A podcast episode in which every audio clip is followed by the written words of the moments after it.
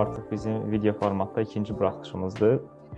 Bu dəfə biz daha çox kommunikasiya ətrafında bir mövzudan danışacağıq. Video reklamlar, onların hazırlanması, ssenarisi, bazardakı кейslər və s.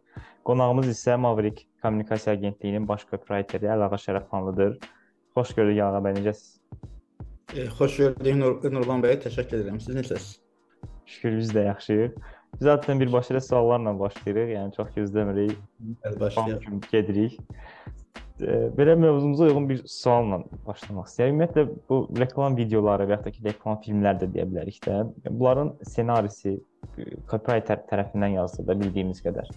Ki burada hansı addımlardan keçir? Yəni ideya gəldi, ssenari yazılmalıdır. Onun yəqin ki bir ardıcıllığı var müəyyən. Bunlar barədə istəyirdik məlumat verəsiniz ümumi olaraq. Bir nəzəri bir giriş, daha sonra isə praktiki olaraq кейslər üzərindən davam edək. Təbii. E, ilk öncə təşəkkür edirəm dəvət üçün və e, ümid edirəm ki, e, buraxılışımız e, dinləyicilər üçün də faydalı olar. E, sualınıza belə başlayım. Ümumiyyətlə tək e, reklam filmi deyil, ümumiyyətlə hər bir hər hansı bir reklam e, işinə başlamaq üçün təbii ki, bir e, müəyyən ardıcıllıq prosesi olmalıdır e, Ogilvinin e, adətən mənə e, irad tuturlar ki, həmişə e, belə deyirik, köhnə nəzəriyyətlərdən e, misal gətirirəm, amma yenə də nə qədər köhnəlsələr də görürük ki, onların e, fikirləri, nəzəriyyələri bu gün də aktuallığını saxlayır. E, və Ogilvinin e, Claude e, Hopkinsin e, yəni Claude Hopkins Ogilvy'dən daha e, əvvəl belə deyək, e, reklamın atası, Ogilvy nə qədər reklamın atası sayılsa belə, Claude Hopkinsin əsərləri ondan əvvəl e, çap olunurdu və e, Claude Hopkinsin bir kitabı haqqında e, Ogilvy belə bir e, başlıq, belə bir e, cümlə yazıb ki, mən e, hansısa bir pis bir reklam görəndə o saat düşünürəm ki, bu reklamı yaradanlar Claude Hopkinsin bu kitabını oxumayıblar. E, düz həmin kitabın yazılmasından artıq 100 ilə yaxın bir vaxt keçib, amma e, mənim özüm də bu gün hansısa bir e, pis bir reklamı görəndə düşünürəm ki, deməli bu reklamın yaradıcıları e, əvvəlki nəzəriyyətçiləri ən azından e, o bilgini oxumayıblar. E, təbii ki, yəni e, reklam e, ssenarisinin yazılmasında da bir ardıcıllıq, bir e, proses var və bu da nə qədər praktiki bir iş, bir iş olsa belə e, nəzəriyyəyə dayanan bir e, prosesdir. E, və hər bir reklam e, kreativ reklam işinin yaratma prosesi e, təbii ki, məhsulu və hədəf kütləni tanımaqdan e, başlayır e, və e, bu hədəf kütləni və məhsul tanınması da e, müştəri tərəfindən agentliyə ötürülən e, briefin nə dərəcədə e, yaxşı hazırlanmasından asılıdır. Yaxşı brief təbii ki, e, uğurlu işin yarısıdır.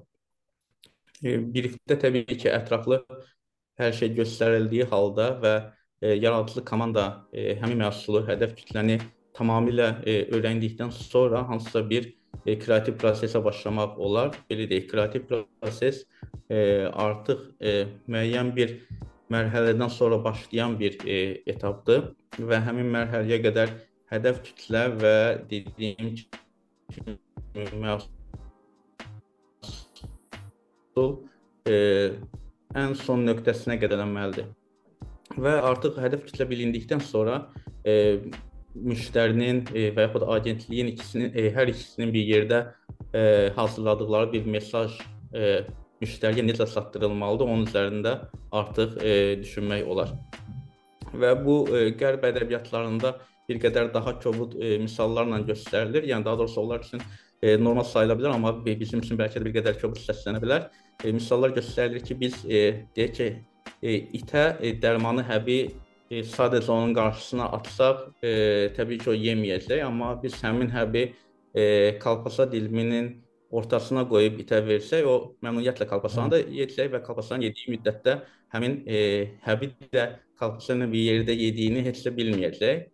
Təbii ki, əgər bu it Şurikin macəraları filmində kimi ağıllı deyilsə və e, reklam ssenarisində, ümumiyyətlə reklam işində də e, müştəriyə e, məhsulun belə deyək, o funksional tərəfini hədəf kütləyə çatdırmaq üçün bu üsuldan istifadə edilir ki, e, bizim satan mesajımız digər e, kreativ e, mesajın içində e, hədəf kütləyə belə deyək, e, bir qədər kobud səslənsə də yedizdiriləcək, ona ötürüləcək və həmin bu e, kiçik həb, hansı ki bizim satan mesajımız olacaq, heç də kalpasa dilimin kənarında e, olmalı deyil. Deyək ki, bəzən bunu bu cür qəbul edirlər ki, bizim 30 saniyəlik e, bir reklam sarfımız varsa, bunun 20 saniyəsini kreativə e, həsr edirik.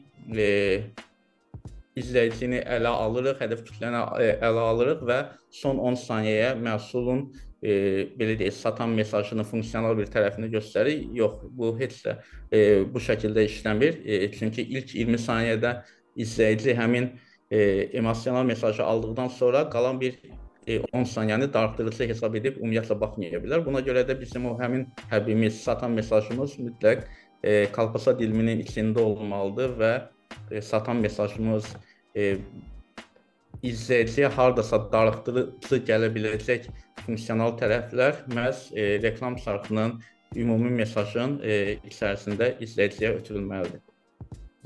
E, dediyim kimi artıq kreativ e, tərəfə keçməmişdən əvvəl bir strategiya mütləq e, hazırlanır. E, həmin strategiya üzərində e, kreativ bir mesaj e, qurulur. Konkret olaraq deyək ki, praktiki e, proseslərə gəldikdə isə e, hətta ssenariyə keçməmişdən e, öncə belə e, ümumi nələr deyiləcək, nələr çatdırılacaq e, hədəf kütləyə, hədəf kütləni hansı bir atmosferdə, vibe-da ələ alınacaq, bu mütləq düşünülməlidir. Artıq onun ssenarisinin düşün, e, hazırlanması, hansı e, məqamlara toxunulması, vizual tərəflər və s. E, belə deyək, işin artıq texniki tərəfləridir. Bu təbii ki də illərlə yaranan bacarıq e, və sairədən ortalaşır. Amma dediyim kimi bura qədər e, mütləq e, müştəri agentlik birliyi nəticəsində ortaya çıxan strategiya və həmin e, strategiyanın üzərində qurulmuş e, kreativ bir platforma hazırlanmalıdır. Konkret nümunə üzərindən getsək, məsəl üçün son dövrlərdə çıxan reklam film videolarından belə deyək də. Məsəl üçün istəsən kampaniyası vardı, Azerselin təşkil etdiyi. Ə, hətta bildiyim qədər o müəyyən mükafatlar da qazanmışdı buna görə və bu kampaniya üzərindən getsək, yəni burada ideyadan bu son məhsula qədər necə ortaya çıxdı həmin kampaniya, reklam filmi? Bu e, reklam filmi ümumiyyətlə e, bəlkə bir qədər e, daha güclü səslənə bilər, amma həqiqətən bu il ərzində və son illər ərzində e, çəkilmiş və kifayət qədər səs-küy e, e, gətirən reklam şərhlərindən e, biri olub və çox da fəxr edirəm ki, bu işin ərsəyə gəlməsində böyük bir komandanın e, üzvü olmuşam e, və e, Maverick komandasının e, son e, vaxtlar təhvil verdiyi işlərdən, uğurlu işlərdən biridir. E, və çox gözəl nümunə də e, gətirdiyiniz ki, əslində e, reklam e, filmi necə çəkilməlidir, necə hazırlanmalıdır e, sualına cavab olaraq bu кейs çox uğurlu bir nümunədir və burada e, adətən e, kreativ agentlik agentliklər hansısa bir e, işi təhvil verərkən uğurlu olarkən e, marketinq e, cəmiyyətində, ətrafda cəmiyyətdə e, daha çox agentliyin uğuru kimi qeyd olunur, amma e, bu bütün hallarda agentlik və müştəri işbirliyinin nəticəsində ortalığa e, çıxan bir məhsuldur və e, çox, yəni e, təqdirə layiq e, haldır ki və bu кейsdə də məhz e, belə deyək, bizim tərəfdaşımız ASSL tərəfindən bizə kifayət qədər dəstək e, olmuşdu. Yəni həm deyək ki, brifin verilməsində bayaq qeyd etdiyim məqamlar, həm brifin verilməsində, həm də e, kreativ bir işə nə qədər açıq e, olma prosesində bizə kifayət qədər e, dəstək göstərdi verilmişdi. E, adətən futbol e, komandalar arasında futbol e, sahəsində belə bir e, fikir işlədilir ki, bir komanda rəqibin ona imkan verdiyi qədər oynayır. Hı Düşünürəm ki, hər bir e, agentlik müştərisinin ona imkan verdiyi qədər e, kreativ ola bilər. Yəni müştəri nə qədər kreativliyə açıqdırsa, yeniliyə, cəsarətli fikirlərə açıqdırsa, məsələn agentlik də o qədər kreativliyini kreativliyini göstərə bilər e, bilavasitə bu istəsən кейsin üzərindən hətta mərhələlərlə getsək belə e, deyə bilər ki, deyə bilərəm ki, ümumiyyətlə e, mobil operator sektorunda tam yeni bir məhsul idi. Yəni e, istifadəçilər öz tariflərini özləri qura bilərdilər, yarada bilərdilər öz e, istifadə e, paketlərin istifadə həcmlərinə görə və e, və bizim də əsas ilham qaynağımız da məhz e, bu oldu ki, e, bu tam fərqli bir məhsuldur. Adətən fərqliliyə, e, özəlliyə, fərdiliyə gedən e, hədəf kütlədən məhz e, gənclər olur. Həm produktun fər e, fərqli olması, eyni zamanda e, hədəf kütlənin əsas e, istiqaməti gənclik olması e, bizim əsas ilham mənbəyimiz oldu və e, heç də birdən-birə təbii ki, kreativ ideya ortalığa çıxmadı. E, günlərlə həm məhsulun öyrənilməsi, e, hər detalını araşdırmaq, bu bu cür olsa necə işləyəcək, bu cür olsa necə işləyəcək suallarla verilməsi və müştəridən belə deyək, e, briefin hər cümləsini e, sanki e, sorğulayaraq, ittiham edərək brifi tamamladıqdan sonra bir strategiya ortalığa qoyuldu və e, öncədən e, hətta e, tarifin adı e, ortalığa çıxmamışdı. Yəni tarifin adı da e, Mərvə Kommunikasiya Agentliyinə e, e, məxsusdur, komand e, yaradıcı komandaya məxsusdur. E, tarifin adı ortalığa çıxmamışdan belə bizim strategiyamızda bir e, sən var idi. Yəni bu məhsul mütləq sənə uyğundur, sənin üçündür və hər şeyi sən edəcəksən. Belə deyilir, artıq işin yarısı yarısı görülmüşdü və e, çox da e, təsadüfən e, həm bu strategiyadan e, irəli çıxaraq eyni zamanda deyirlər ki, ideyalar təsadüfən ortalığa çıxan və istəsən adı ortalığa çıxdıqda hətta bir qədər tərəddüdümüz də oldu çünki e, heç də öyrəşdiyimiz e, adlar adlara bənzəmir, naminglərə bənzəmir. E, adətən biz e, naming görmüşük ki, mütləq e, isim olmalıdır. Biz digər hallarda, e, digər nitq hissələrində e, naminglər o qədər də öyrəşməmişik, amma yenə də e, hər zaman yəni cəsarətli olmaq lazımdır ki, nəticədə uğurlu iş ortalığa çıxsın. E, niyə də yox deyib e, bu işə başladıq e, və artıq reklam e, çarxının çəkilişi prosesində, ssenarinin hazırlanmasında da e, hər anda, hər detalda e, məhz e, bu xətt qarşımızda əsas oldu ki, e, bu məhsul bilavasitə gənclər üçündür və bu reklamın e, reklam çarxının ilk saniyəsindən son saniyəsinə kimi nəinki reklam çarxının, eyni zamanda e, adın, namingin belə əvvəlindən sonuna qədər e, reklam çarxında bir gənclik e, atmosferi mütləq hiss olunmalıdır. Gənclər özlərini e, orada duymalıdırlar. Artıq ideyanın hazırlanması e, prosesində bir qədər əlavə də duzlar, duz istiot qatıldı bu ideyaya. E, mahnının həm gənclik olan yerdə mütləq dinamika və musiqi olmalıdır. E, və onun üzərindən e, gəncliyin ən çox bu gün ən çox sevdiyi məşhurlardan birinin istifadəsi e, tərəfimizdən düşül, e, düşünüldü və e, əvvəldə qeyd etdiyim kimi çox təqdirə layiq e, haldır ki, bu addımların hər biri e, bizim tərəfdaşımız, yəni Azərbaycan tərəfindən də Azərbaycan marketinq komandası tərəfindən də dəstəklənildi. E, və belə deyim də bu reklam çarxı tamamilə yüksəkdən dərəcə əks, əks ola bilərdi. E, deyək ki, e, çox vaxt alışdığımız hallar agentlik hansısa bir e, kreativ işlə e, müştərisinə gedir, amma müştəri e, burada mənim məhsulum e, yoxdur, məhsulun funksionallığı yoxdur, loqonu biraz böyütmək lazımdır və s. E, fikirlərlə, daha çox e, məhsula yönəlik fikirlərlə həmin e, kreativ işin qolu qanadı sındırılır və nəticədə heç də e, son məhsul olaraq hədəf kütlənin e, bəyənəcəyi bir iş e, ortalığa çıxmır, amma e, xoşbəxtlikdən heç də bizim e, halda bizim кейsdə bu cür olmadı e, əvvəldən sona qədər dediyim kimi agentlik və müştəri işbirliyi sonda uğurlu nəticəni e, ortalığa çıxartdı.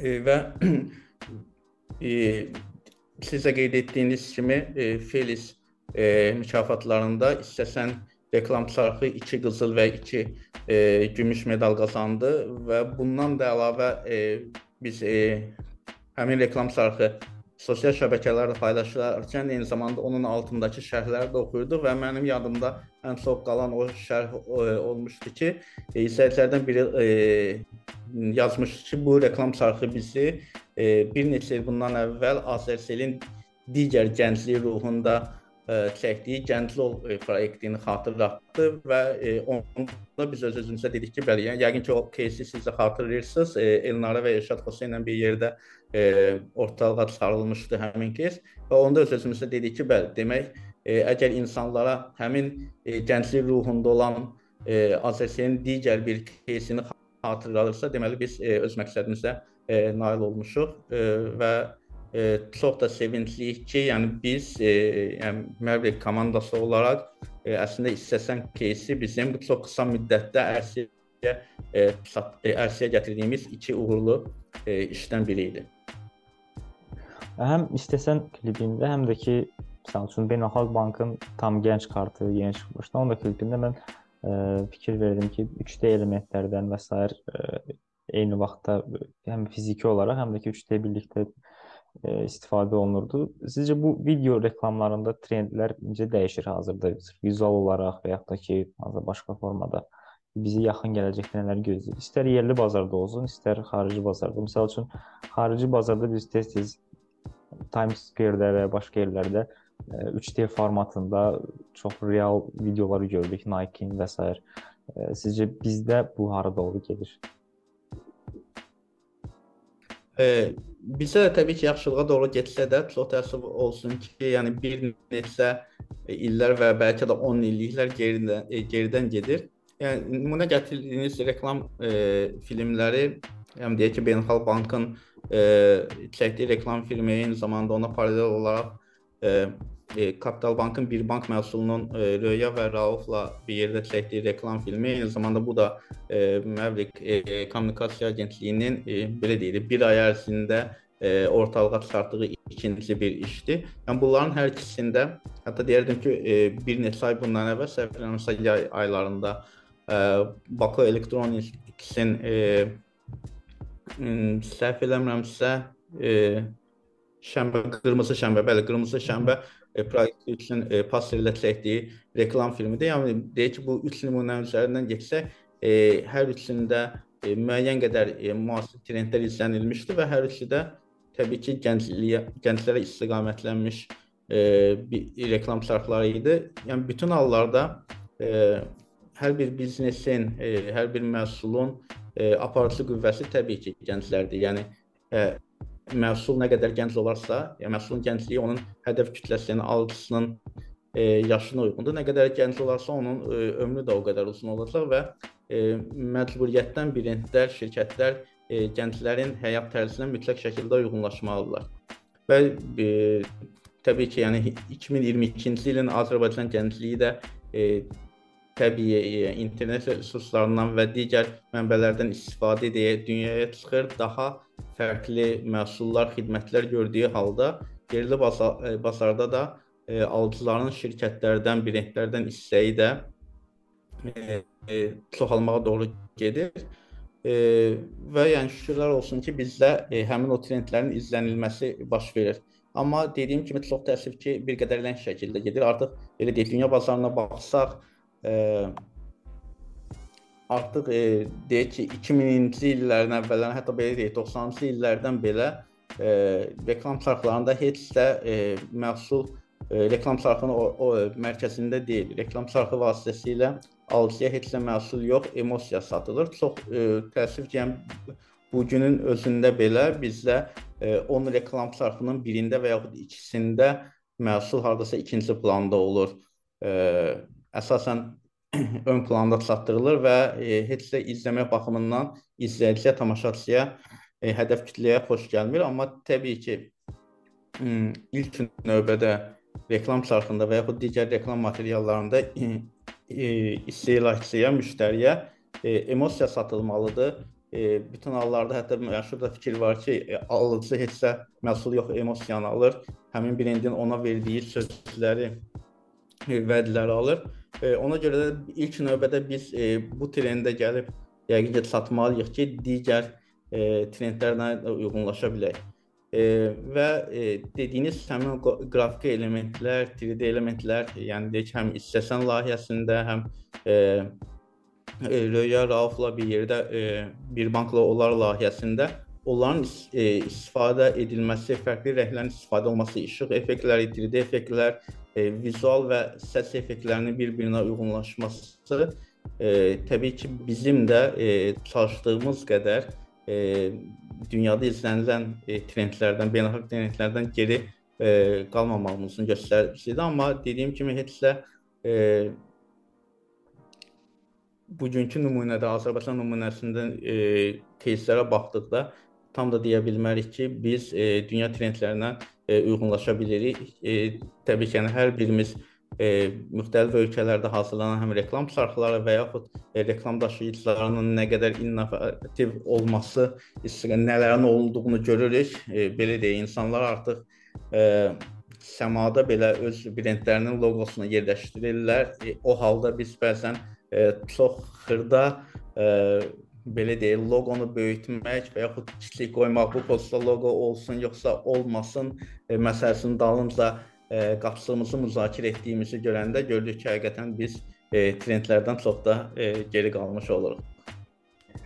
E, bu bayaq dediniz, misal üçün də yadıma düşdü ki, Türklərin məsələn, türk nəyə görə deyirəm? Çünki nisbətən həm düşüncə tərzi olaraq, xalq olaraq daha yaxınıq Türkiyəyə. Türklərin reklam filmlərində bu emosiyaları daha ə, sanki canlı formada görürük. Yəni onları hiss edirik. Yəni bəzi reklam filmləri insanları lap köv kövrəldir. Buna nümunələr çoxdur. Və yaxud da ki, sırf xüsusi günlərə aid çəkilmiş reklamlar və s. Amma bizim reklam filmlərində məsələn bir neçəsi istis olmaqdan adətən bu formada bir emosionallığı tam görə bilmirik. Ya o, o bilsin ki, bu obraz seçimi ilə, o sima seçimi ilə əlaqəlidir və yaxud da ki, çəkilişlə bağlıdır. Sizin buna yanaşmanız nədir? Yəni bizdə niyə bu qədər emosional reklamlar hələ ki tam yoxdur? Yəni bir sözlə biz bəs bizdə niyə o əşrahadan yoxdur? E, təbii ki, hər birimiz e, özümüz də bu sualları tez-tez veririk, kənardan da bu sualları eşidirik. E, əslində bəlkə də müqayisə e, etməyimiz bir qədər e, nə dərəcədə uğurludur deyə bilməzdim. Yəni bütün hallarda e, e, Türkiyədə bazar iqtisadiyyatının e, bizdən çox-çox əvvəl formalaşır. Eyni zamanda reklam sənayesinin e, belə deyək, Sovetlər dövründə demək olar ki, e, reklam sənayesi yox dərəcəsində idi. Çünki yəni e, bazar iqtisadiyyatı yox idi. E, həm e, reklam sənayesinin bizdən çox-çox əvvəl yaranması, eyni zamanda e, film, musiqi və sair e, sahələrin e, yəni misal deyək ki, biz deyə bilmərik ki, bizim musiqimiz türk musiqi, yəni türk dedikdə e, Türkiyə musiqisindən geridə qətiyyən yox, amma e, bir sənaye kimi, bir, bir biznes olaraq e, musiqiyə baxdıqda bəli, heç də bizim musiqimiz biznes olaraq Türkiyə musiqisinin biznesindən, şou biznesindən irəlidə deyil. Eyni zamanda yəni reklam da onun kimi. Reklam sənayesi sənaye olaraq onlarda daha əvvəl başladığına görə eyni zamanda bazar iqtisadiyyatı daha e, bazar iqtisadiyyatına daha əvvəl qədəm qoyduqlarına görə e, hal-hazırda onlarda e, şirkətlər arasında rəqabət mühiti də çox gərgin olduğu üçün e, daha uğurlu reklam кейsləri ortalığa fərqi yoxdur deyək ki, bu emosional reklam sarmışlar olsun, hər hansısa bir məhsulu satan və e, kreativ ideya ilə güclənən reklam işləri olsun. Yəni bizdə təəssüflər olsun ki, e, həm bu sənaye gec başlamağımız, eyni zamanda e, bazar iqtisadiyyatı mühitinin də heç də e, tam e, rəqabət qabiliyyətli olmaması e, uğurlu reklam çarxlarının e, yaranmasına imkan vermir. Bu belə deyək ki, e, hardasa e, e obyektiv fak e, e, faktorlardan belə e, biridir, amma e, digər önəmli faktor e, hepsə bunu e, yəni bu obyektiv faktorları deməklə e, illər sonra sonra bazar iqtisadiyyatına başlamamızı bildirməklə bu marketoloq e, marketoloqların və yaxud kreativ e, yaradıcı heyətin öz yaxasını qırağa çəkməsi kimi başa düşülməsin. Eyni zamanda yəni bu tərəfdə də bir qədər e, günah var ki, biz heç həmişə öz insanımızı yaxşı e, tanımırıq.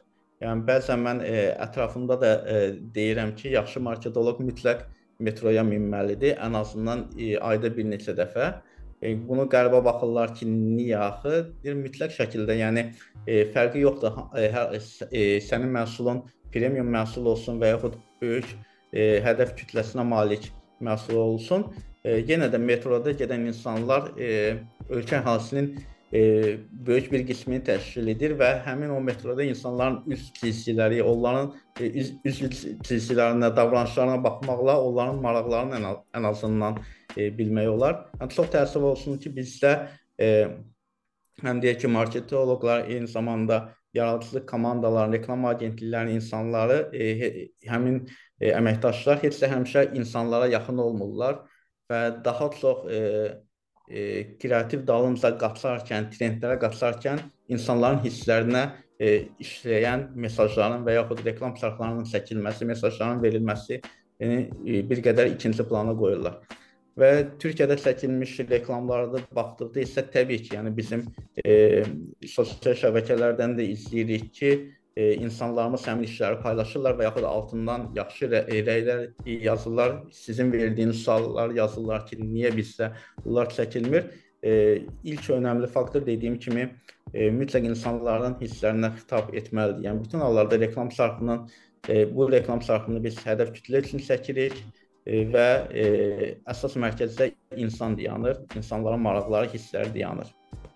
Mütləq deyək ki, bu hisslər deyək ki, bizdə hansısa emosional reklam sarfları adətən əlamətlər günlər üçün deyək ki, e, zəfər günü üçün, e, həmrəylik günü üçün və s. müstəqillik günü üçün bu günlər üçün e, hansısa reklam sarfları hazırlanır. Hə hətta amma onların belə e, insanlara xitab etmək, belə deyək, insanın e, tüklərini biz biz durduracaq səviyyə çatdıracaq bir mesajın verilməsi baxımından e, görürük ki, heç də e, qardaşlarımızda qardaşlarımıza çata bilmirik.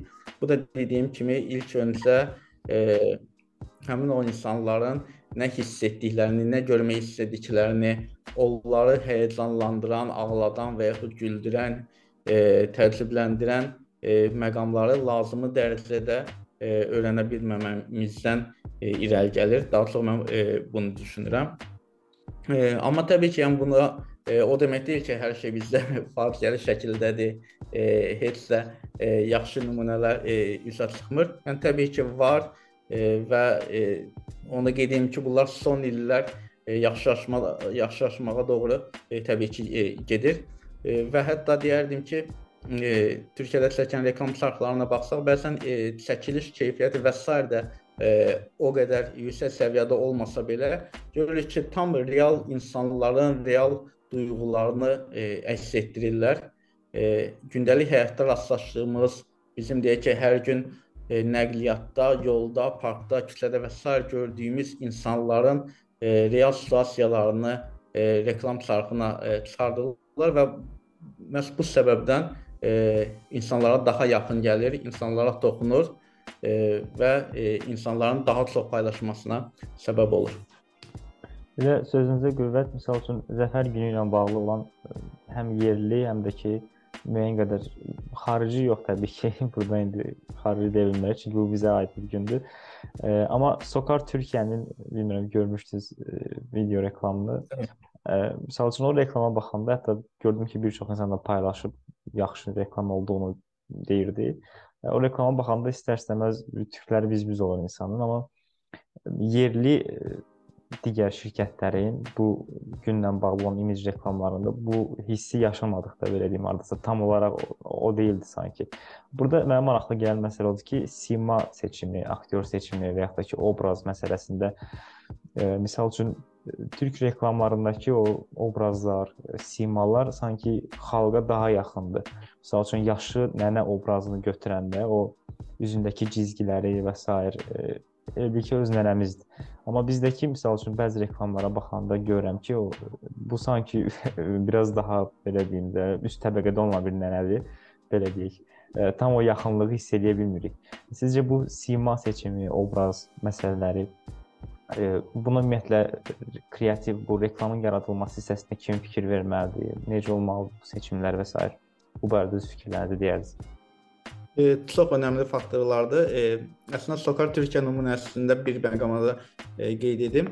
E, yəni çox təəssüf olsun ki, bizdə şirkətlər, brendlər xüsusi günlər içində e, kifayət qədər e, marketinq büdcəsi ayırmırlar. Yəni e, hətta baxsaq məsəl üçün son e, bir neçə son bir neçə il ərzində e, bizdə heç də uğurlu e, belə deyək, emosional, böyük büdcəli e, yeni il filmi və yaxud həmrəylik günü ilə bağlı e, filmlərin çəkildiyini görmürük. E, əslində e, yeni il kampaniyaları isə bütün dünyada ən e, belə deyirik il boyu gözlənilən bir kampaniyalar olur və e, hədəf kütlə də öz e, davamlı olaraq istifadə etdiyi brenddən, məhsuldan yeni ildə ona hansı bir mesajını verəcəyini gözləyirik. Amma e, biz baxsaq də e, yeni ilə kifayət qədər büdcələr ayrılmır. Eyni zamanda digər əlamətlər günlər üçün sanki e, əgər həmin reklam sarxında e, məhsul yoxdursa, marketinq komandaları bunu sanki çölə atır, e, atılmış bir e, pul kimi e, görürlər. Yəni sadəcə yəni Sokar Türkiyə nümunəsində onu da qeyd etmək lazımdır ki, yəni bu işə kifayət qədər büdcə e, təbii ki, e, üzərində zəhmət çəkilib, e, güclü bir e, insight e, üzərindən kreativ iş görülüb, amma bunun digər tərəfi də tə təbii ki, büdcədir. Sima seçiminə gəldikdə isə e, təbii ki, həm sima seçimi eyni zamanda ə, özümüzə uyğun adət-ənənələrin, halların reklam çartına gətirib çıxarılması çox önəmli faktordur. E, deyək ki, bizdə son e, təxminən 5-6 il olar ki, e, Ramazan bayramı ərəfəsində və yaxud Novruz, e, Novruz daha qədim, e, əvvəldən e, ərəfəsində reklam sarxları çəkilirdi, amma Ramazan bayramı reklam sarxalarında görürük ki, e, hansısa rayonda e, yaşlı bir nənə baba var və yaxud Bakı şəhərində yaşlı yaşlı nənə baba var və ailə e, gənc ailə onu ziyarətə gedir. E, bəli, deyək ki, e, Coca-Cola-nın e, xarici ölkədə çəkdiyi Yeni il e, filmində bu baş verə bilər, amma bizim siyasiyə gəldikdə adətən e, bizim yaşlı analarımız, e, atalarımız, nənələrimiz, babalarımız e, çox az bir hallarda tək qalırlar. Yəni belə deyək ki, o e, yaxşı vəziyyət olmursa qocalar evində qalırlar və yaxud övladlarla bir yerdə qalırlar. Artıq e, hətta şəhərdə yaşayan e, gənc ailənin elə şəhərdə yaşayan nənəni, babanı ziyarət etməsi e, insana ilk baxışdan artıq e, süni təəssürat yaradır. E, və e, sima seçiminə doğru e, bildirdiniz ki, e, daha çox e, aktyor seçimində, hətta bu məşhur olmasa e, belə, aktyor seçimində e, daha çox e, Təbii ki, e, aktyor e, kamera qarşısında necə görünəcəyi önəmlidir, amma həmin seçiləcək e, aktyorun və yaxud bu aktyor olmaya bilər, adi insan ola bilər, sadəcə aktyorluq bacarığı ola bilər. Həmin insanın bizim e, gündəlik gördüyümüz insanlara nə qədər bənzəməsi çox önəmli faktordur ki, insanda, izləyicidə yaxınlıq, bağlılıq duyğusu e, yaradır. E, deyək ki, Türkiyədə çəkilən reklamların, e, həmin o dediyimiz emosional reklamların e, emosiyasının çox böyük hissəsi həm musiqi, eyni zamanda musiqi ilə müşahidə olunan arxa fon səsinə düşür ki, burada yəni həddindən artıq çox irəli gediblər və e, hətta ilk kəlmədən, ilk sözdən belə e, insanın e, hətta bu ifadə işlənir aramızdakı insanın damarını işləyən e, tonda səsləndirə bilirlər. Amma çox təəssüf olsun ki, bizim e, Sovet dövründə nə qədər güclü səs aktyorlarımız var idisə, e, Sovet dövründən sonrakı e, yəni həmin o səs aktyorlarından al almaq istədiyimiz səsi heç də e, e, emosiyanı ala bilmirik. Hətta əlamətlər gün, günlərdə e, reklam çarxlarında e, çox gözəl mesajlar yazıldıqda belə onları səsləndirən zaman baxırıq ki, sanki bu bir qədər e, pafoslu səslənir, heç də insana yaxın gəlmir. Hı -hı. E, və bunun da əsas səbəbi bəzən e, kifayət qədər təcrübəsi olan, e, yaşı çox olan e, və keçmiş məktəbi görmüş aktyorlardan istənilən e, emosiyalı səsi almaq mümkün olursa, amma bir qədər e, gənc aktyorlardan e, və ya səs aktyorlar aktyorlardan daha doğrusu həmin o emosiyalı istənilən səsi e, almaq mümkün olmur. E, və bu faktor dediyim kimi Türkiyə reklamlarında da Hətta həmin o səs aktyorlara ad-baad tanınır ki, e, həmin reklam şartına baxmasaq belə səs eşidiləndə onu kim səsləndirdiyini e, görə bilirik. E, amma bu dediyiniz faktorda həmin o simanın seçilməsi, e, musiqinin seçilməsi, e, eyni zamanda hətta bu sima məşhur bir sima e, olsa belə insanlara nə qədər yaxın olub olmaması müəyyənləşdirilməsi məhz həm marketinq komandasının, həm də e, yaradıcı e, komandanın insanlara, e, hədəf kütləyə nə qədər yaxın olması, onun kimi bəyənib, kimi bəyənməməsi, hansı sözün onun hisslərinə xitab edib etməməsi, həyəcanlandırdığı və yaxud kədərləndirdiyini bilməsi mütləq əsas rol oynayır. Və düşünürəm ki, heç də e, Türkiyədə çəkilən e, bu emosional reklam sarfları deyək ki, bir ayın və yaxud 2 həftənin e, nəticəsində ortaya çıxan işlər deyil. Təbii ki, hər bir gün üçün e, aylar öncədən, hətta bəzi кейslər var ki, 1 il öncədən belə brief gəlinir və 1 il ərzində bu dediyimiz faktorlar toplanılaraq, öyrənilərək sonda e, yaxşı bir insight yaradılaraq kreativ iş ortaya çıxır. Belə son sualımıza gəlib çatdıq artıq. Artıq 40 dəqiqəni geridə qoymuşuq. Ümumiyyətlə uğurlu bir reklam videosu yaradarkən e, nəyə diqqət etmək lazımdır? Burada əsas açar nöqtələr nələrdir sizcə? E, əslində bəzi e, faktorlara e, toxunduq. E, yəni bir daha Hı. qeyd etmək istəyirəm ki, mütləq şəkildə hər bir reklam sarxının e, mərkəzində onu izləyəcək hədəf kütlə insan e, dayanır və biz e, bizi e, televiziya arxasında və yaxud e, artıq müxtəlif devicelər, telefon arxasında, notebook arxasında kimin izləyəcəyini mütləq bilməliyik. Həmin adamı ən azı özümüz qədər tanımalıyıq və onunla necə danışmalı olduğumuzu mütləq bilməliyik. E, bunu bildikdən sonra eyni zamanda məhsulu, xidməti, e, brendi e, özümüz qədər yenə də tanı e, tanımalıyıq ki, bilmədiyimiz, tamamilə 100% əmin olmadığımız məhsulu heç də biz e, izləyiciyə çatdıra e, bilmərik. E, bunlar deyək ki, hardasa təməl prinsiplərdir. Artıq digər məqamlar e, burada e, kreativliyi nə dərəcədə etmək, e, satan mes mesajı hansı e, səviyyədə vermək ki, o həmin balansı e, qoruyaq. Yəni bütün hallarda biz e, hansısa film festivalına gedəcək bir reklam çarxı çəkmirik. Yəni bu reklam çarxını çəkməkdən məqsəd belə deyil. Burada e, vəsait xərclənir ki, məhsul satılsın. E, təbii ki, yəni e, bu məhsulun satılmasına işləməlidir bu reklam çarxı. E, artıq həmin məqamda balansı qorumaq lazımdır ki, e, biz e, verəcəyimiz satan mesajı e, izləyiciyə hansı kreativ yollarla e, çatdıraq ki, o nə e, kreativliyə e, valeh olub e, məhsulun əsas mesajını unutmasın, nə də ki, e, bütünlüklə məhsulun mesajına odaqlan odaqlanıb e, reklam sarfına baxarkən e, darıxmasın.